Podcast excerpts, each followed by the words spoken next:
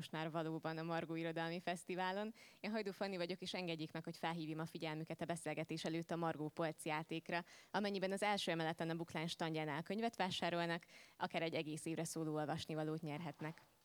Következő beszélgetésünk, és ebben egyben a ma reggeli első, a Zöldebb könyvet címet viseli, Regüs Mátyással és Kemény Gabival Pacskovszki, Pacskovszki Zolt fog beszélgetni. A szerzők pedig a beszélgetést követően dedikálnak is itt a színpadon.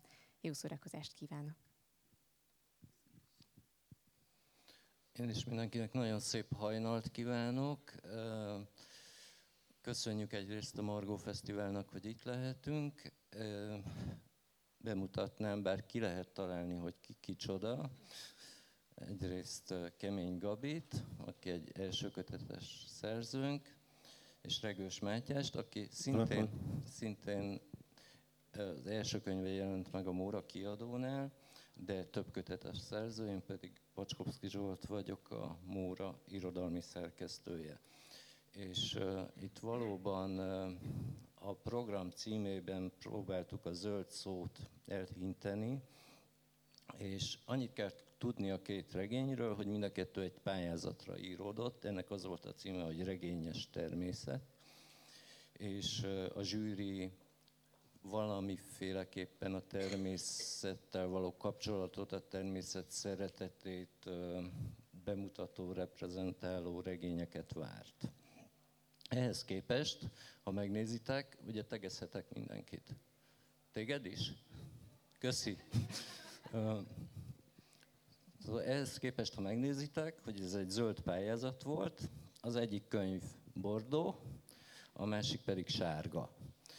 És ez is jelzi szerintem azt, hogy itt valami érdekes dolog történt ahhoz képest, hogy zöld, nevezzük így, regényeket vártunk, és igazából majd erről szeretnék beszélni, hogy mi, mi hogyha kicsit elhelyezzük a, a gyerek és ifjúsági irodalom történetében ezt a két könyvet, mi, mi az, ami érdekes ebben a két regényben. Ezt lehet, hogy a szerzők tudják, lehet, hogy nem, de majd erről beszélgetünk kicsit. Mind a két regényben fontos szerepet kapnak az állatok, vagy nem, csak én szerettem volna valami közöset találni bennük ehhez a programhoz. Mindenesetre a, Lóriban mindenképpen, hisz a címében is benne van, kihalt állatok. De hogy nektek is nagyon korán van, és ezért egy azzal a kérdéssel szeretnék nyitni, hogy volt-e, vagy van-e házi állatotok? Ezzel a komoly irodalmi kérdéssel szeretnénk kezdeni. Uh, nekünk volt egy macskánk gyerekkoromban, akit Móricnak hívtak, vagy Mauricio Di Maurónak teljes nevén, aki hát egy idő után egyre gyakrabban elszökött, és akkoriban az utcában egyre több kisvörös macska született, onnan tudtuk, hogy a Móricz még valahol a környéken van, és aztán egyszer meg nem jött vissza, tehát valószínűleg elütötték, vagy valami. Ez, ez Ferencvárosban volt, ugye? Kőbányán. Kőbányán.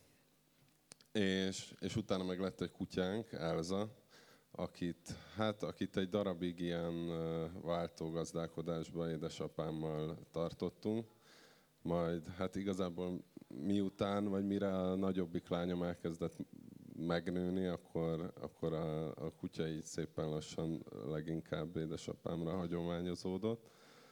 De, de azért ettől függetlenül a magunkének tekintjük, de, de mondjuk a válasz az, hogy nem vagyok túl uh, lelkiismeretes állattartó.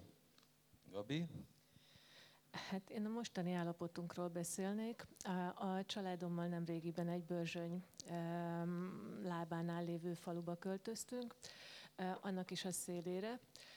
Úgyhogy a mi házi állataink kevesebb törődést igényelnek. Van egy szarvasunk, Laci névre hallgat. Van egy csomó gyíkunk, ezek közül mindig az újszülöttek, a legkisebbek, a, a legérdeklődőbbek, úgyhogy van Gyufi, azaz Gyufa, akinek a feje miatt lett ez a neve. Van két mókusunk, őket még nem neveztük el, mert állandóan cikáznak, és nehéz megkülönböztetni őket. Tehát ebben a pillanatban annak az igényét nem annyira érezzük, hogy még egy macskát, vagy egy én persze lehet, hogy a gyerekeim máshogy gondolnák, hogy még egy kutyát és egy macskát befogadjunk. Bízom benne, hogy ez még egy darabig így lesz. Akkor lépjünk tovább egy picit az irodalom felé. A következő kérdésem az lenne, még mindig az állatokhoz kapcsolódóan, hogy volt-e gyerekkorotokban, vagy akár később kamaszkorotokban valami meghatározó olvasmány élményetek, amiben állatok szerepeltek, vagy állat szerepelt? Most kezdjük Gabival. Rendben. Um, Hát kis túlzással azt mondhatnám, hogy csupa ilyen élményem volt. Nekem Gerald Arel könyvei, illetve Conrad Lorenz könyvei mérvadóak voltak. Nagyon sokáig a kedvencem a Rokonom Rózi című Gerald Arel könyv volt, amiben egy elefánt a főszereplő. Ha át kellene gondolnom az előző mondatomat, hogy milyen házi állatot fogadnék be, én egy elefántot nagyon szívesen befogadnék azóta is.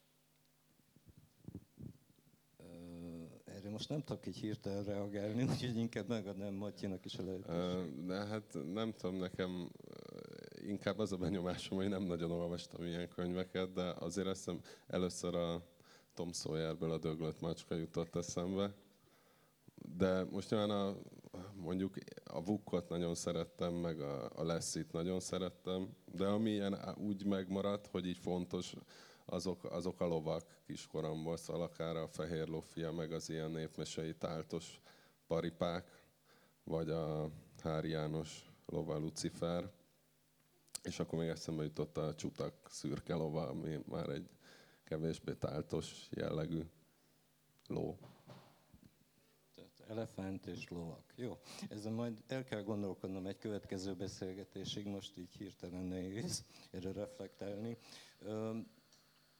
Azt szeretném kérni, mert nyilván van itt a közönség soraiban olyan, aki ö, talán még nem olvasta a valamelyik regényt, vagy esetleg egyiket sem, hogy egy icipicit ö, foglaljátok össze, hogy szerintetek miről szól a ti könyvetek. Tehát szándékosan nem azt kérdezem, hogy mi a sztoria, hanem hogy szerintetek miről szól. Annyit áruljatok el, hogy valamennyire képbe kerüljön a közönség, ugyanakkor meg túl sokat se áruljatok el, tehát próbáljatok most marketingesbe átmenni egy kicsit.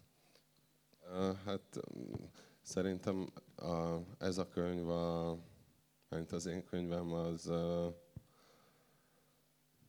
hát az a félelemről, meg a szorongásról szól, arról, hogy ez hogy alakul ki. És például itt annyit lőnék le a sztoriból, vagy hát ez igazából nem annyira a sztori, de hogy hogy, hogy, hogy alakul ki egy komplet nagy szorongás. Tehát, hogy, hogy a, ennek a Lóri nevű fiú a főhős ennek a könyvnek, és neki több különböző önmagukban sem túl kicsi félelmei vannak. A, a, mondjuk a bolygó helyzetét illetően, meg a természet helyzetét illetően, a kamaszodást illetően ő elvesztette a főhős az édesanyját a regény cselekményének ideje előtt néhány évvel. Majd beteg is lesz, szóval, hogy alapvetően kialakul egy olyan helyzet, hogy, hogy ezek a, a kisfélelmek, vagy nem is olyan kisfélelmek, meg traumák, vagy szorongások, ezek, ezek egy vagy összefolynak, egymásra montírozódnak a főhős fejében, és, és tulajdonképpen ez a könyv szerintem arról szól, hogy, hogy erre konkrétan Lóri, hogy talál valamiféle megoldást. És azt direkt nem mondom, vagy én nem is gondolom, hogy ennek a könyvnek ö, olyan nagyon vidám befejezése lenne, vagy azt lehetne rá mondani, hogy happy end, hanem, hanem igyekeztem azt ö, megcsinálni benne, ahogy szerintem ez valóban is működik. Tehát, hogy egyszerűen kialak, hogyha jó esetben egy ilyen nagy szorongás elmúlik. Vagyis nem múlik el, hanem legalább nem tekeredik teljesen rá az ember életére, hanem, hanem valahogy ki lehet siklatni, és, és, és hát igazából túllépni rajta, és mintha egy ilyen új életet nyerni. Szóval én, én ezt látom a könyv lényegének, vagy, vagy, vagy témájának, hogy, hogy hogy alakul ki egy ilyen lelki állapot, és hogy ezt a, az ember önmagában hogyan siklatja ki, vagy hogy próbálja túlélni. Az én könyvem, a, ha egy szóban kéne megfogalmaznom, akkor az a kapcsolódásokról szól. Kapcsolódás egy családon belül, kapcsolódás a természethez, a természetben levő jelenségekhez, az állatokhoz, és a kapcsolódás önmagunkhoz. Itt egy okos, sőt, nagyon okos, de mégis kicsit szétszórt kisfiú a főhős. Ő egyben a könyv narrátora is.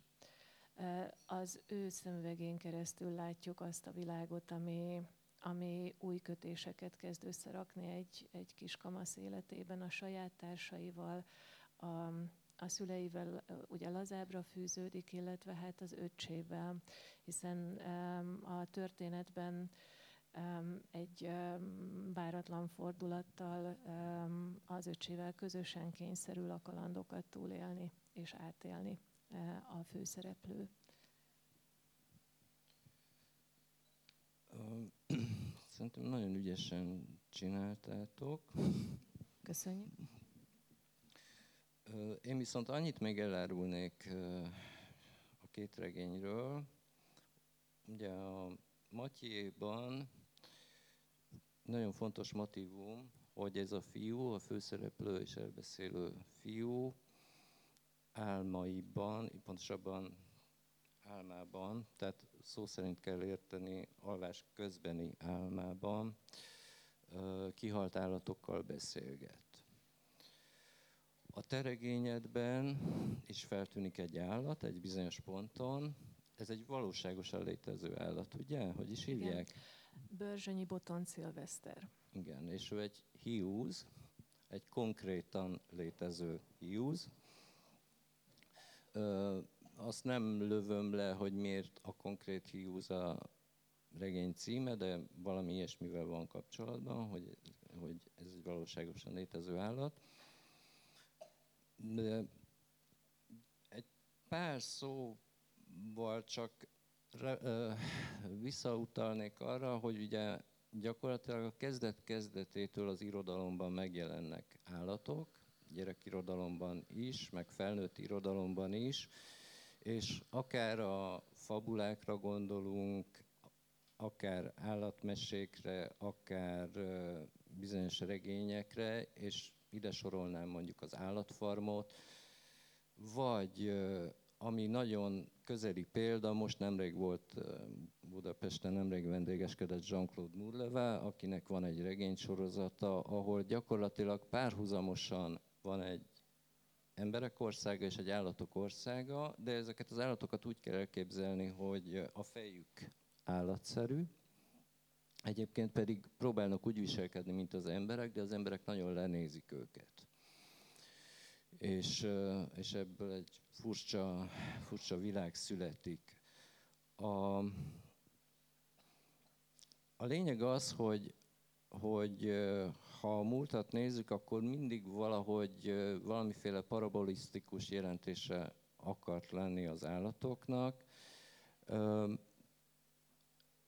Amivel én viszont soha nem találkoztam, sem gyerek, sem felnőtt irodalomban, hogy valaki kihalt állatokkal kezdjen kapcsolatba kerülni, bármilyen formában, mint nálad. Hogy jött ez az egész, és, és te hogy látod? Látsz ebben valami szimbolikus dolgot? Hát mint egészen konkrétan úgy jött, hogy ugye ez pályázatra készült ez a könyv, és, vagy a kézirat, és a feleségemnek vázoltam, hogy mi a helyzet, és akkor terveimben a Lóri élő állatokkal beszélgetett, és megkérdezte a feleségem, hogy miért nem kihalt állatokkal. és akkor úgy éreztem, hogy ez jó. Mármint, hogy, hogy egyrészt én azt gondolom, tehát, hogy a kihalt állat, egy kihalt állatfaj az, az már, tehát, hogy már önmagában annyira egy ilyen fenséges és tragikus uh, kép, de, de a Lóri esetében, ugye, mert a Lóri az álmaiban beszélt ezekkel az állatokkal, tehát, tehát tulajdonképpen ezek, ezek, ezek benne működő, benne lévő szólamok és mondatok, amiket ezek az állatok elmondanak, és a Lóri esetében szerintem ennek annyi uh, metaforikája van, hogy, hogy, hogy egyrészt ugye egy, egy kihalt állatfaj az egy lezárt valami, tehát hogy amit ezek, a, ezek az állatok mondanak, az, az már valami más bizonyosság, valami, tehát hogy az már valami teljességgel szólal meg. A, a másik meg, hogy ez, ez valahol a, egy ilyen elfolytottságot is uh, hát megjelenít szerintem, hogy nem, nem tudom, nem egy ereje teljében lévő, élő, ilyen bika istenséggel beszélget, hanem kihalt állatokkal, tehát, hogy, és ezek ugye az ő, végül is az ő fejében, meg lelkében le, le játszódó folyamatoknak a manifestumai, tehát hogy ez, a, ez az ő érzelem világáról, meg lelki világáról is elmondhat dolgokat. Azért érdekes szerintem, mert ugye te is említetted, hogy a főhős édesanyja meghalt. Tehát amikor először mondtad ezt, hogy egy másik beszélgetésen, hogy eredetileg nem ezt tervezted, akkor én ezen csodálkoztam, mert szinte adja magát, hogy kihalt állatok legyenek. Ez az egyik, amit akartam mondani, a másik, hogy, hogy az említett Jean-Claude Murlevával beszélgettem, akinek itt volt a felesége is, és ott is az derült ki, hogy amikor ő megírja az első két fejezetet, akkor ezt megszok, bármiből ezt meg szokta mutatni a feleségének, aki helyre teszi a dolgokat. De milyen érdekes. Nálad, Gabi, kiteszi helyre a dolgokat? Hát feleségem nem lévén. Nálam elsősorban a célcsoportba tartozó gyerekeim voltak azok, akik nagyon sokat segítettek, egy tükörként voltak mindvégig a számomra, és nagyon motiváló volt az, hogy izgalommal várták a következő lépéseket, hiszen ez a kaland részben róluk is szólt. Egy, egy picit most akkor helyettem, ugye összefoglaltátok, hogy miről szól, de egy picit arról is beszélni, hogy mi az alaphelyzet, mi a sztori, tehát hogy hova mennek ezek a kicsodák. Rendben.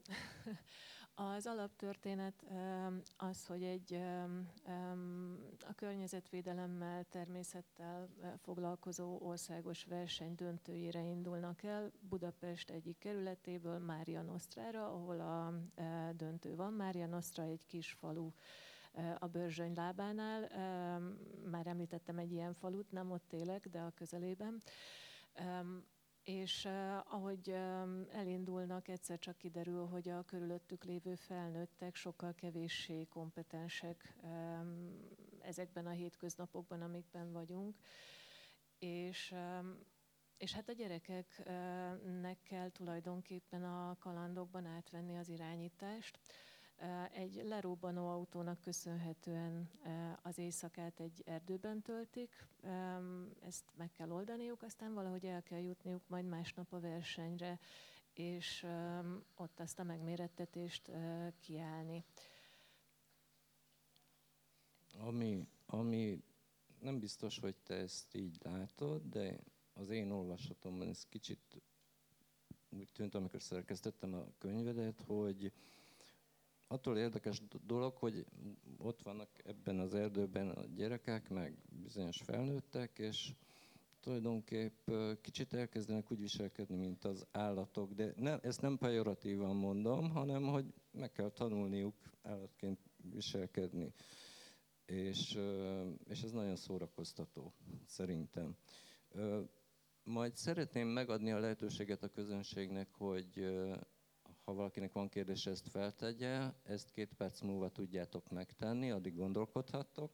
addig egy gyors választ kérnék tőletek arra a beszélgetés lezárásaképpen, hogy képzeljük el, hogy száz évvel később értek még. Ugye, nekem van egy kedvenc anek, nem anekdotám, hanem Woody Allen-től kérdezték egyszer, hogy mit, szer, mit szeretne, hogy mit gondoljanak önről száz év múlva, és akkor azt válaszolta, hogy azt, hogy uh, uh, milyen jól tartja magát. és de te, tegyük fel, hogy száz év múlva éltek, újra megírhatjátok ezt a regényt, miben változtatnátok? Mit, vagy másképp feltéve a kérdést, mit gondoltok, ho, hogyan fogunk viszonyulni az állatokhoz, a természethez? Hát uh, én azt gondolom, hogy szerintem ez pont egy olyan időpontban írtam ezt a regényt, hogy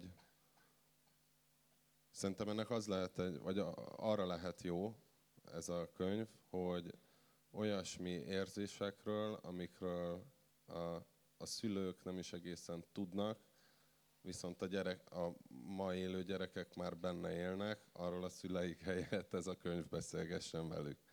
És hát én nem is azt mondom, hogy remélem, mert ez nem biztos, hogy, hogy ez minden esetben jó ez, a, ez az érzés. Tehát az jó lenne, ha kialakulna egyfajta ilyen általános, nem tudom, a természetnek valamiféle tisztelete, viszont nyilván ez a klímaszorongás az meg nem jó, de minden esetre azt gondolom, hogy száz év múlva ez, ez valószínűleg teljesen evidens lesz mindenki számára. Tehát, hogy a, a ma élő gyerekek, unokái, meg nem tudom kik lesznek azok, akik, akik akkor gyerekek lesznek, és, és szerintem ezt a,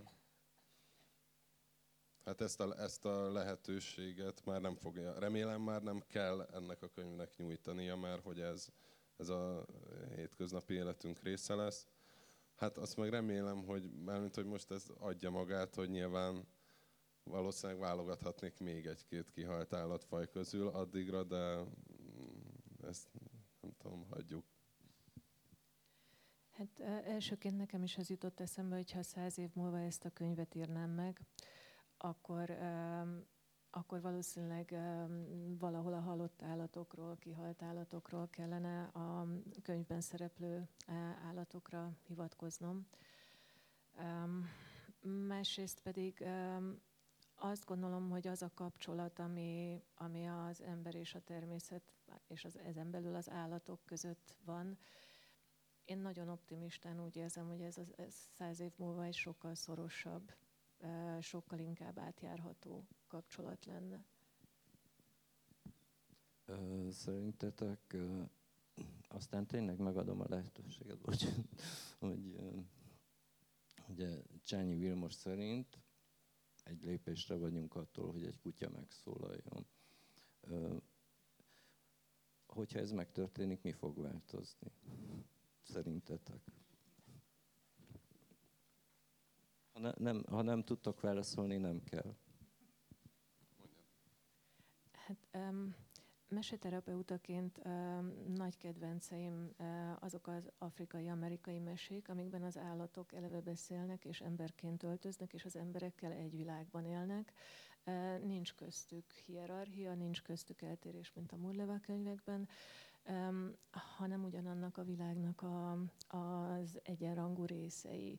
Bosszantják egymást, szeretik egymást, és Hát azt hiszem, hogy ez már valahol a, megtörtént, hogy megszólaltak az állatok és beszélgetnek velünk. Neked úgy módosítanám a kérdést, hogy ha egy ló megszólal. Hát ugyanazt akartam, hogy a kutyáról is azt gondolom, de akkor, tehát a lóról is, hogy akkor szerintem, ha ez megtörténne, akkor biztos, hogy sokkal jobban tudnánk szeretni magunkat, mert, mert mert, mert hát a kutyák meg a lovak, hogyha hát nagyon még törődni se kell velük ahhoz, hogy még a legaljasabb, és ember számára nem igen szerethető emberben is uh, valami, valami feltétel, szeretet, feltétel nélküli szeretetre uh, mm, méltót találjanak. Szóval ez, ez biztos, hogy jó lenne. Köszönöm szépen. Van valakinek esetleg kérdése? Nyugodtan bátran.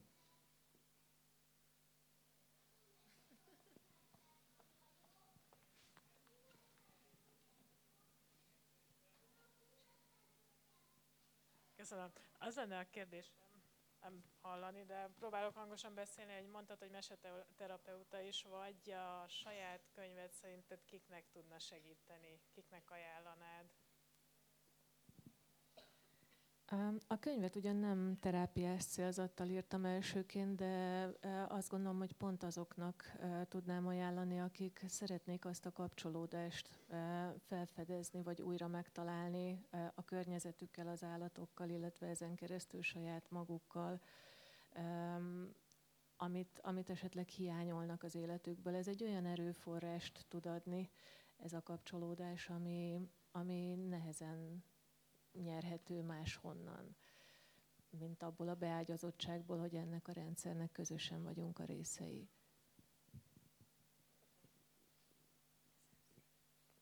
Más valaki? Ja, igen.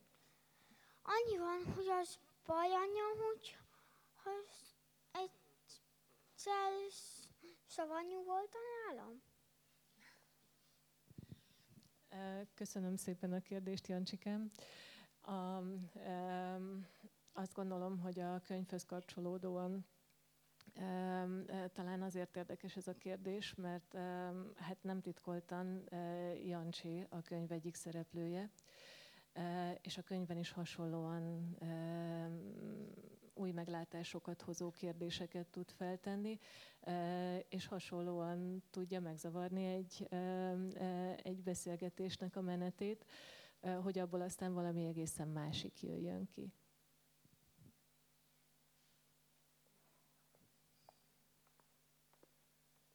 Más valaki? Jancsi, újabb kérdés? Nincs most? Jó. Akkor uh, én lezárásképpen annyit szeretném mondani, mind a két könyvet én szerkesztettem, és nagyon élveztem mind a kettőt, más-más okból. Minden nagyon ajánlom, aki még nem olvasta őket, hogy olvassa el őket. Aki elsősorban szórakozni szeretne, annak a Gabi könyvét ajánlom elsőre. Aki éppen szorongással küzd, annak inkább a Matyét, de aztán olvass el a másikat is. Köszönjük szépen, hogy itt voltatok, és köszönjük még egyszer a Margónak is a lehetőséget. Köszönjük. Köszönjük szépen. Mi pedig nagyon köszönjük a beszélgetést Kemény Gabinak, Regős Mátyásnak és Pacskovszki Zsoltnak. Önöknek pedig jó szórakozást kívánok a Margón.